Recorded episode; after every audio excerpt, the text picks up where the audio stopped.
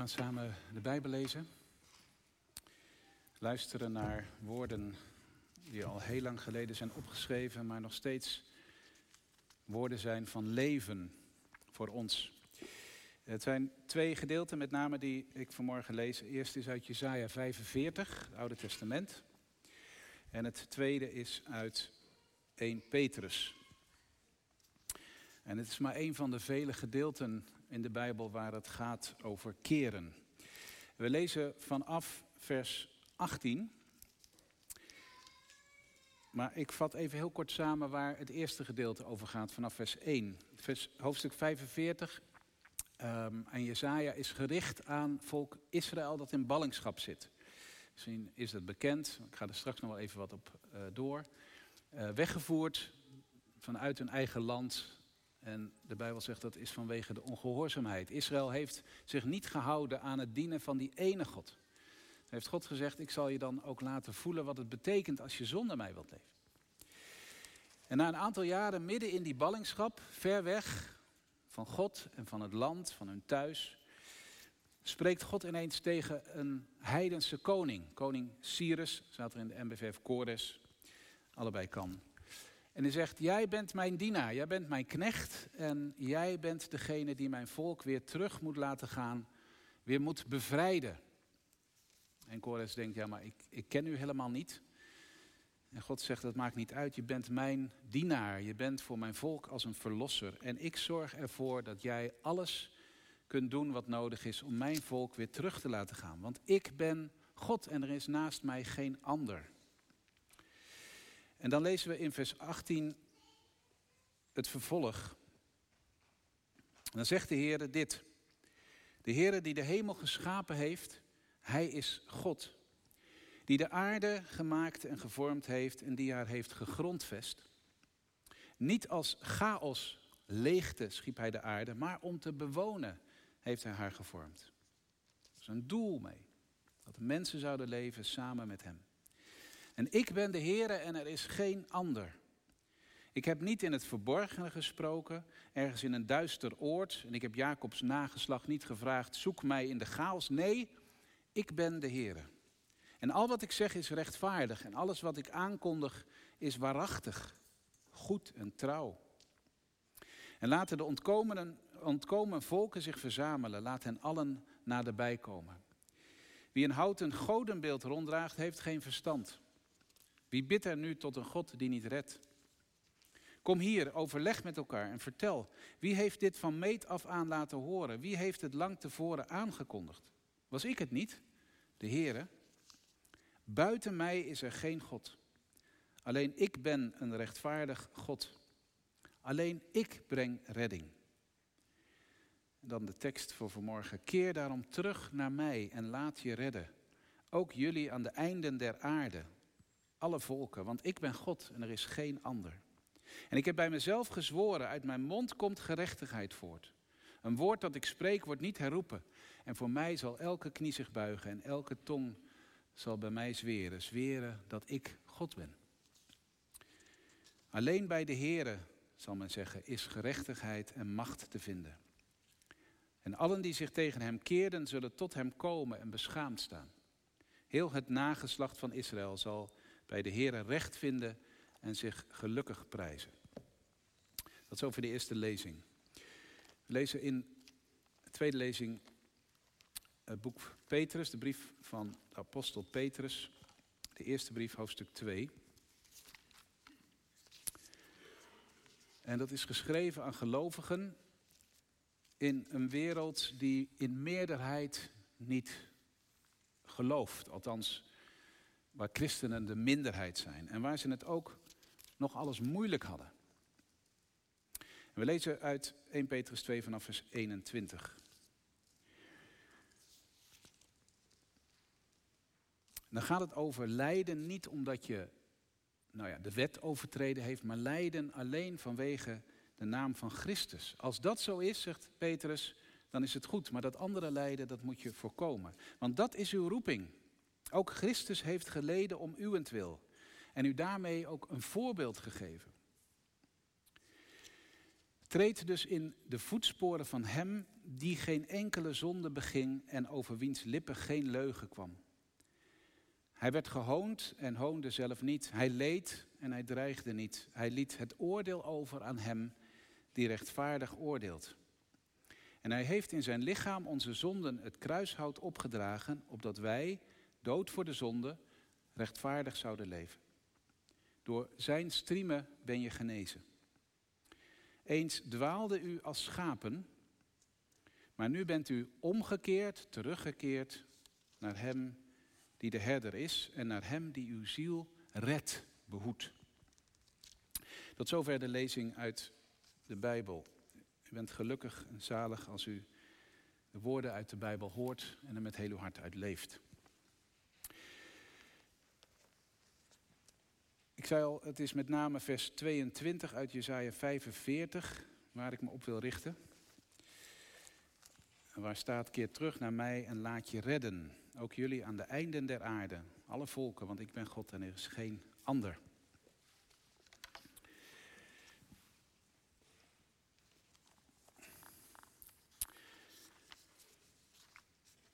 Gemeente van onze Heer Jezus Christus, het is mooi dat we weer in ieder geval deels hier samen kunnen zijn. Deels ook nog niet. Ik weet niet hoe u hier zit en hoe u kijkt naar het komende seizoen. Maar ik weet wel dat er veel christenen zijn, veel mensen die in het afgelopen jaar toch wel ontmoedigd zijn of van slag geraakt zijn. Dat kan natuurlijk in je werk, in het feit dat je als student of leerling altijd weer voor het scherm moet zitten. Er kunnen allerlei redenen zijn waarom je van slag bent. Maar het is voor heel veel mensen ook een testcase geweest. En nog wel voor hun geloof. Voor de manier waarop ze in het leven staan. Want hoe, hoe blijf je toegewijd als je elkaar niet kunt ontmoeten? En, en niet alleen in de kerk, maar er zijn natuurlijk heel veel grote conferenties en, en bijzondere dagen niet doorgegaan. Een New Wine conferentie is niet doorgegaan heel jongere dag al niet, een paar keer opwekking, nou, noem maar op. Terwijl dat vaak de momenten zijn, net als op een zondagochtend, dat je elkaar bemoedigt en ook weer wordt aangestoken met de liefde en de passie van God, waardoor je weer, weer verder kunt. En misschien hebben jullie ook wel dat gevoel van, ja, hoe echt is het nu allemaal? Hoe blijf ik nou toegewijd? Ik merk dat het me tussen de vingers soms doorglipt. Het leven gaat door, een aaneenschakeling van momenten. En, en waar is mijn geloof? Waar is God?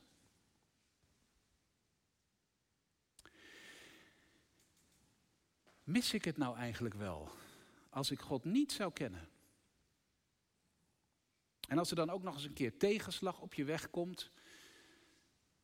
Petrus heeft het over lijden vervolging, ziekte. Nou, er zijn zoveel dingen die ineens je leven binnen kunnen komen. Wat is dan nog je houvast? Waar sta je dan nog op? ik zei net al, in heel veel kloosters, kloosterordes, heel veel christenen in de loop van de geschiedenis hebben houvast gehad aan levensregels, regels voor het leven. Dat zijn praktijken die je regelmatig blijft volhouden, doet, Juist om dicht bij het evangelie, dicht bij het hart van het evangelie, bij Christus te blijven. Het zijn regels om het vol te houden, om te groeien in geloof, om niet zomaar onderuit te gaan. En ik zei net al, geloof ik bij de intro, een soort training. Alle uh, sporters die naar de Olympische Spelen gaan, die trainen jaren. En als het dan ook niet lukt, dan zien ze vijf jaar in rook opgaan. Maar wil je kunnen presteren, wil je het vol kunnen houden, wil je conditie hebben, wil je kunnen winnen, dan moet je trainen, dan moet je oefenen, dan moet je een vast ritme hebben elke dag om aan die conditie te komen. Je kan niet zeggen, ja, één keer in de week doe ik het wel eens eventjes, dan ga ik hardlopen en dan denk ik dat ik wel ergens een gouden medaille win. Zo werkt het niet. Maar dat is in geloof niet anders. Als je toegewijd wilt zijn aan Christus en je hart toegewijd wilt laten blijven aan Christus en het wil volhouden als het moeilijk wordt, dan heb je een ja, trainingsschema klinkt zo abstract, maar dan heb je een levensritme nodig waarin je elke dag conditie opbouwt. Geloofsuithoudingsvermogen zou je kunnen zeggen. En daarvoor zijn ook in kloosterordes, maar ook breder, dit soort regels gevonden. En ik wil vanmorgen één deeltje van zo'n levensregel wat dieper, uh, wat nader met jullie uh, doorlopen. En ik ben mede aan het denken gezet door Bishop, Bishop Curry. Uh, Michael Curry, misschien kennen jullie hem nog als je de bruiloft van Kate en Harry hebt gezien. Het was die Amerikaanse dominee die met zo verschrikkelijk veel passie over de liefde sprak.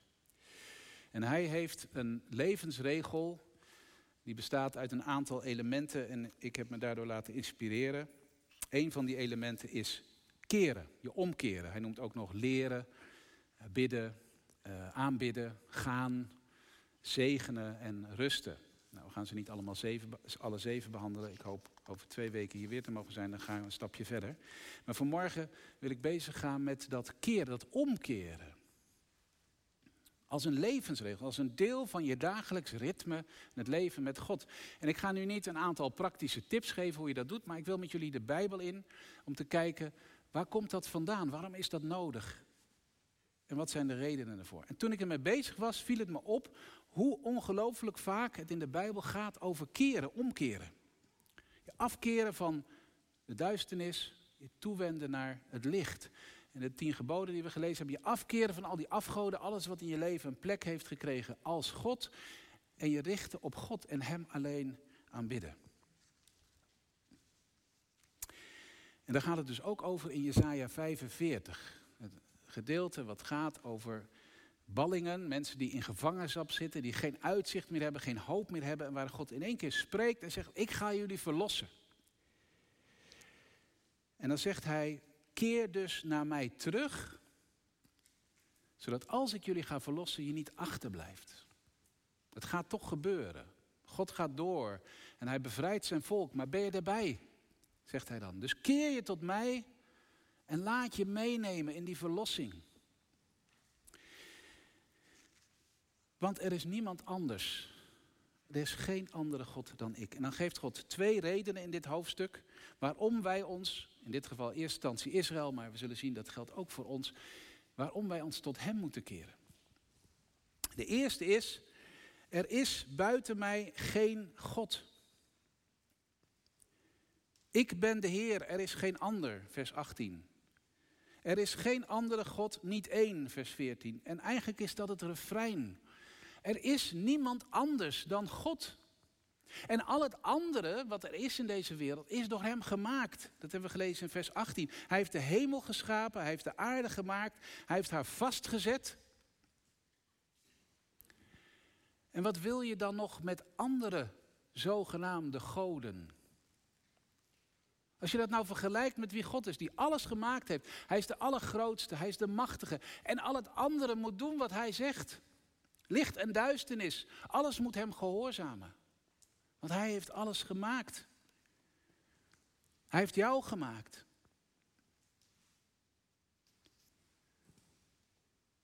En als je dus ook de bedoeling van je leven wilt ontdekken, als je wil weten waarom je er bent, waarom het leven er is, en hoe het leven geleefd moet worden, dan moet je toch bij mij zijn, zegt God.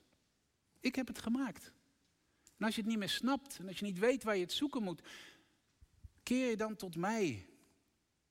Want alleen bij de Here is gerechtigheid. Alleen bij de Here is macht. Alleen bij de Here is goedheid. Dus keer je dan tot mij. Ik ben de enige. Tot wie zou je anders keren? Er is niemand die kan doen wat ik beloof. En wie een houten godenbeeld ronddraagt, heeft geen verstand. Want wie bidt nu tot een God die niet redt? Je kan ook zeggen, wie wijdt zijn leven nou toe aan datgene wat ophoudt als je weer sterft? En hoeveel mensen wijden zich niet toe vandaag de dag aan alles wat je achter moet laten op het moment dat het leven over is? Ten koste van je leven. Laat het maar tot je doordringen. Het klinkt een beetje beledigend misschien, maar je bent dwaas, je hebt geen verstand als je andere goden dient. Als je je leven toewijdt aan iets wat geen betekenis heeft. Dat is het eerste. De tweede reden waarom we ons tot God moeten keren. dan zegt God, als er nou geen andere God is dan ik ben, als ik alles gemaakt heb, als alles naar mij moet luisteren, dan is er toch ook niemand anders die je leven weer op het goede spoor kan brengen, die je leven kan verlossen. Als je vastzit in de duisternis, als je, als je telkens weer de verkeerde kant op gaat, als je merkt dat je leven ja, verscheurd is, ook door je eigen fouten. Als Israël in de ballingschap zit en weet van jongens, dit is onze schuld. Jeremia zegt het in klaagliederen telkens weer, ja maar dit komt door ons. Wij hebben God de rug toegekeerd, we hebben ons niet gehouden aan zijn geboden. We leven ons eigen leven, we wijden ons toe aan afgoden. Natuurlijk gaat het dan mis. En wie kan je dan redden anders dan de Heer die alles gemaakt heeft, die de machtige is? Nota bene een heidense koning, Kores, die nog nooit van God gehoord heeft, anders dan misschien in de sprookjesboeken voor zijn gevoel. Die wordt opgeroepen, krijgt de opdracht om verlosser te zijn. En zo zegt God, is alles aan mij ondergeschikt. Maakt niet uit of ze mij kennen en erkennen of niet. De farao in Egypte heeft jullie moeten laten gaan, omdat ik God ben. En ik de enige ben die kan redden. En de koning, de Perzische koning Kores, die wordt opgeroepen en gezegd: Je moet nu mijn wil gaan doen. En Israël laten gaan, terugbrengen naar het land. En ik zal ervoor zorgen dat je die mogelijkheid hebt, maar jij moet ze laten gaan. Want je bent mijn knecht en ik roep je op als het nodig is. Tot wie zou je anders gaan dan tot zo'n God? De God die elke nacht de sterren beveelt, staat er in vers 12. Die elke nacht de sterren beveelt om op hun plek te gaan staan. Denk je dat hij zich nou druk maakt om één zo'n heidense koning?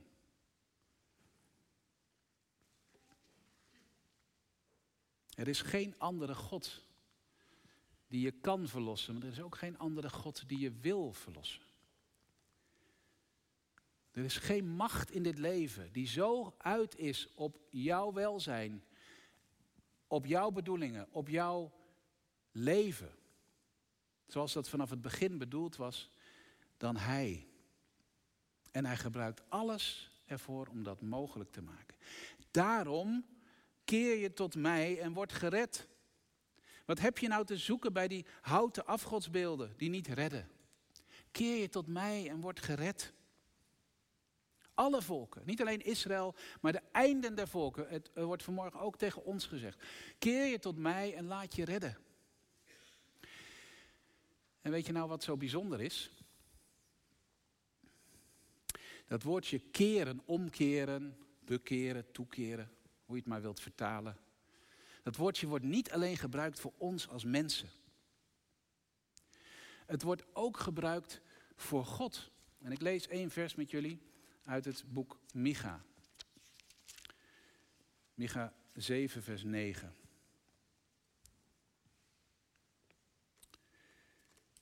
Althans, dat moet zijn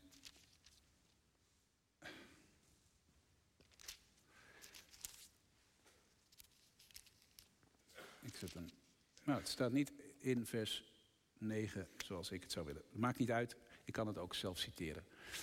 Het gaat in Micha over de tekst dat God zegt: Ik zal me tot jullie keren en jullie bevrijden van al je zonden en ik werp ze in de diepte van de zee.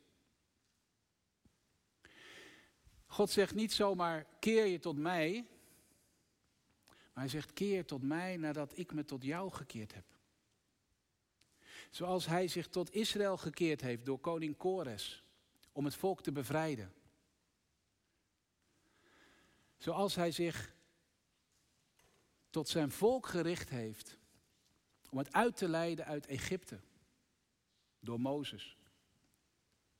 Zo zegt God, keer ik me tot jullie om je te bevrijden en daarom vraag ik je om je tot mij te keren. God had zich heel makkelijk kunnen afkeren van zijn volk, van ons, in de ballingschap, in Egypte, vandaag. Waarom zou hij zich blijven druk maken over, over ons, terwijl we zo dwaas zijn om allerlei afgoden na te lopen. Maar God zegt nee, want ik heb jullie gemaakt en ik, mijn hart gaat naar jullie uit. En ik hou zoveel van mijn schepping, van jullie, dat ik niet wil dat er ook maar iemand verloren gaat. Zijn leven slijt in zinloosheid. Maar dat je je tot mij keert. En dat is wat Petrus dan ook benoemt. Want, Jezus, want God heeft zich tot ons gekeerd in Jezus Christus. Er is geen God dan Jezus. En Hij is de Verlosser.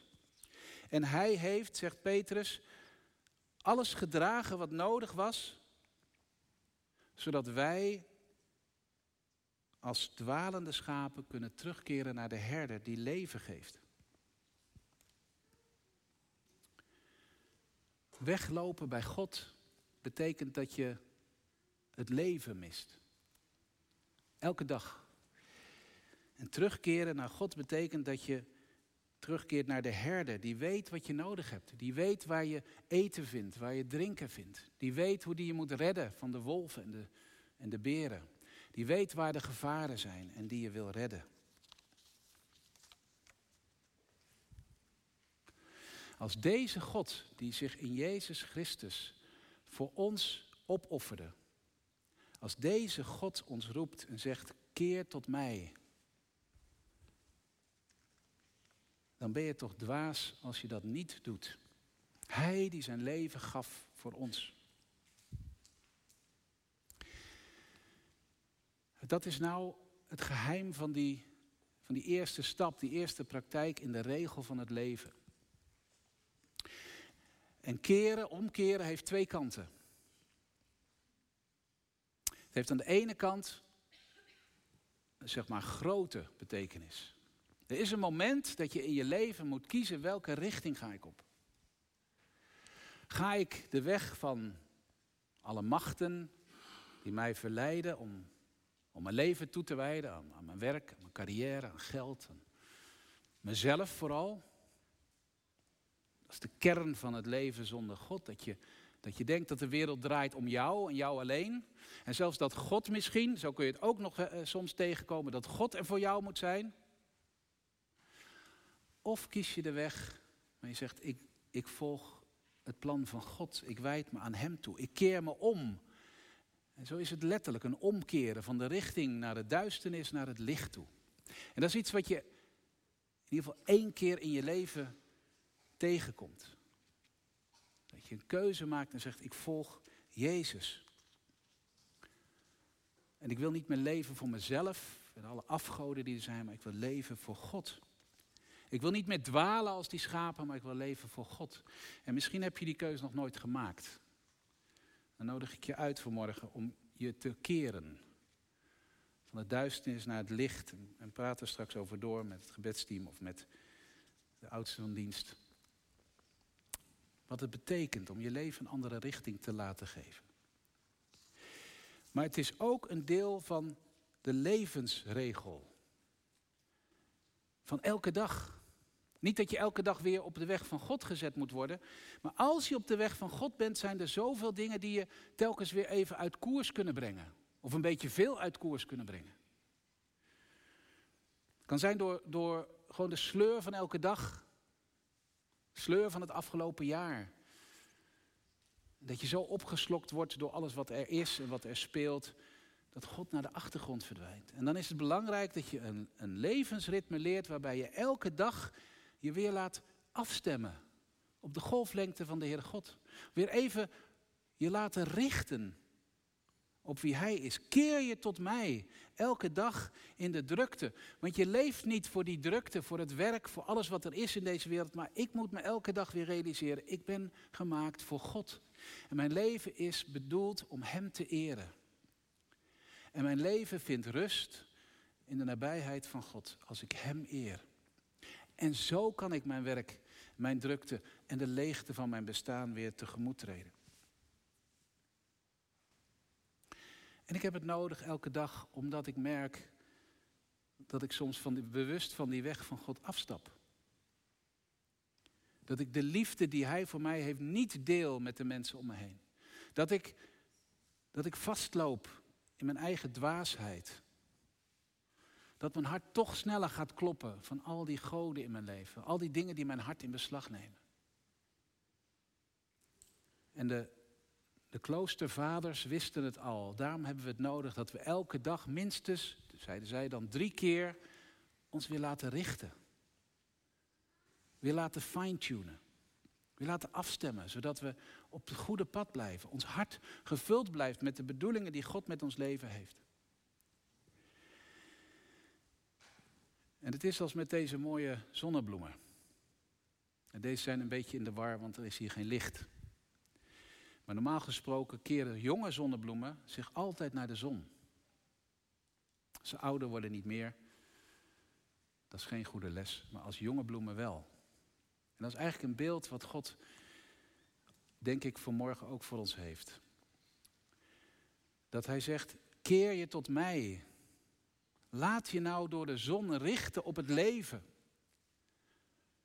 Want alleen in de zon ontvang je leven. Je kunt jezelf niet verlossen. Je kunt jezelf niet bevrijden van al die machten. Je kunt jezelf niet op de weg houden. Het enige wat je kunt doen is in de zon gaan staan. In het licht gaan staan. Elke dag weer. En ik hoop dat u daar zelf manieren voor vindt om dat te doen. Om elke dag een moment te vinden om in het licht te gaan staan. In het licht van het woord. In de stilte van Gods aanwezigheid. In het luisteren naar muziek die, die je weer dichter bij God brengt. Die je hart raakt. Maar wil je volhouden, dan is het nodig dat je in het licht leeft. En dat je telkens weer je richt vanuit de duisternis naar het licht. Want dat is niet alleen voor ons. Dat is niet alleen voor jezelf. Want ook, zei ik net al, ook je geestelijk leven kun je heel makkelijk egoïstisch worden.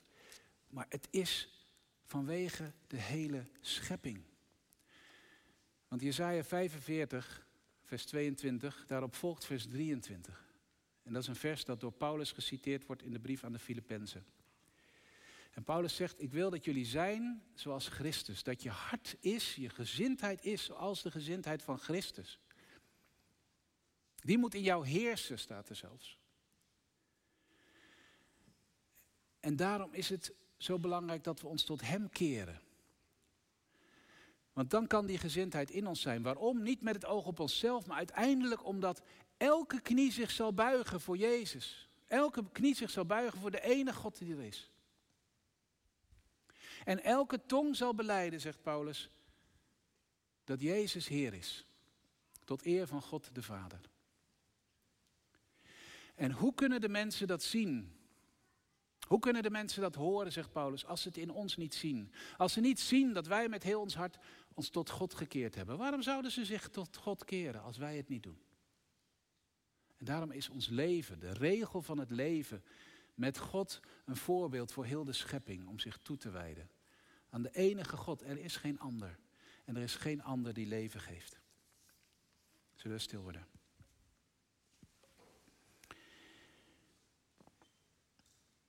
Heer onze God, u bent de God van het leven. Er is geen God dan u. En daarom keren we ons tot u. Om van u te ontvangen het leven, uw geest, uw vergeving en uw genade. En we danken u dat u zich tot ons hebt gekeerd. We danken u dat u ja, zich aan ons hebt toegewijd. Omdat u ons wilde redden, verlossen van al onze afgoden, al onze machten. Alles waardoor we in de duisternis zijn gekomen, alle zinloosheid. En wij bidden u, kom met uw geest en vul ons opnieuw. Zodat we ook een getuige zijn voor de wereld waarin we leven. Zodat we het licht mogen laten zien van uw liefde, uw onvoorwaardelijke liefde. En leer ons zo door op u gericht te zijn ook zelf onvoorwaardelijk lief te hebben. Heer, wij eren en aanbidden u. Vervul al uw beloften in ons leven en red ons. In Jezus' naam. Amen.